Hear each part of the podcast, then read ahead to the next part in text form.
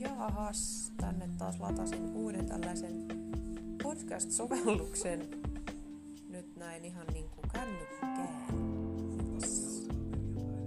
Pitääks mun muutos nyt? Joo, ei se tarvikaan pitää. Tuohon voi laittaa. Jahas. Tämä on mielenkiintoista.